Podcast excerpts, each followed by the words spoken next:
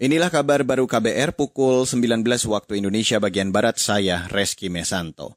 Saudara Kementerian Pertanian berencana memulai vaksinasi penyakit mulut dan kuku atau PMK ke hewan ternak selasa besok. Juru bicara Kementerian Pertanian Kuntoro Boga Andri mengatakan, impor vaksin PMK tahap pertama sudah tiba di Indonesia kemarin.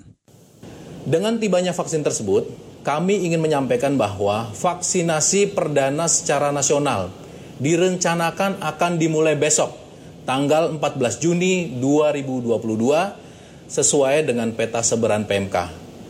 Pelaksanaan vaksinasi nantinya akan bekerja sama dengan posko-posko tanggap darurat di daerah. Juru bicara Kementan Kuntoro Boga Andri menambahkan, vaksinasi PMK diprioritaskan pada hewan ternak yang sehat dan berisiko tinggi tertular. Ternak berisiko tinggi adalah yang berada di sumber pembibitan ternak, peternak sapi perah milik rakyat dan koperasi susu, serta peternak sapi potong. Kuntoro menyebut sebanyak 800 ribu dosis vaksin penyakit mulut dan kuku akan tiba dalam beberapa waktu ke depan. Secara keseluruhan, Kementan telah menganggarkan impor vaksin PMK sebanyak 3 juta dosis. Beralih ke berita selanjutnya, Saudara. Realisasi anggaran pemulihan ekonomi nasional atau PN tahun 2022 sudah mencapai 20 persen atau sekitar 95 triliun rupiah dari total 440 triliun rupiah. Itu disampaikan Ketua Komite Penanganan COVID-19 dan Pemulihan Ekonomi Nasional atau KPCPN Erlangga Tarto. Dia menjelaskan untuk realisasi sektor penanganan kesehatan sudah sebesar 20 persen atau 24 triliun.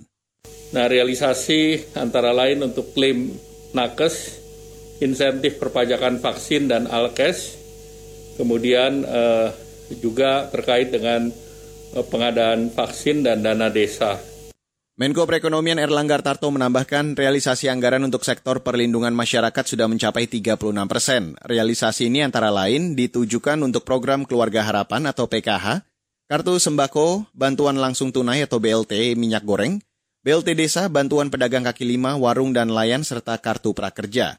Sedangkan realisasi anggaran sektor pemulihan ekonomi sebesar 8 persen, ditujukan antara lain untuk sektor pariwisata, dukungan UMKM, dan fasilitas perpajakan.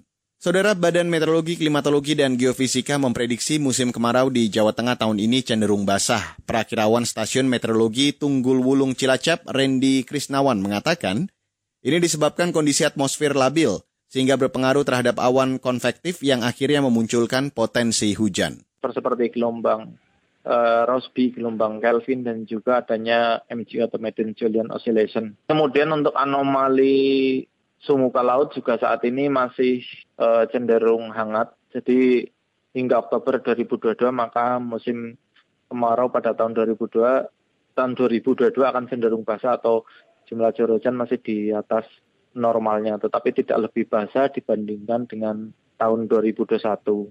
Perakirawan cuaca BMKG, Randy Krisnawan menghimbau masyarakat di wilayah rawan kekeringan untuk tetap hemat air guna persiapan kemarau panjang sebab masih ada potensi kekeringan. Dan saudara, demikian kabar baru saya Reski Mesanto.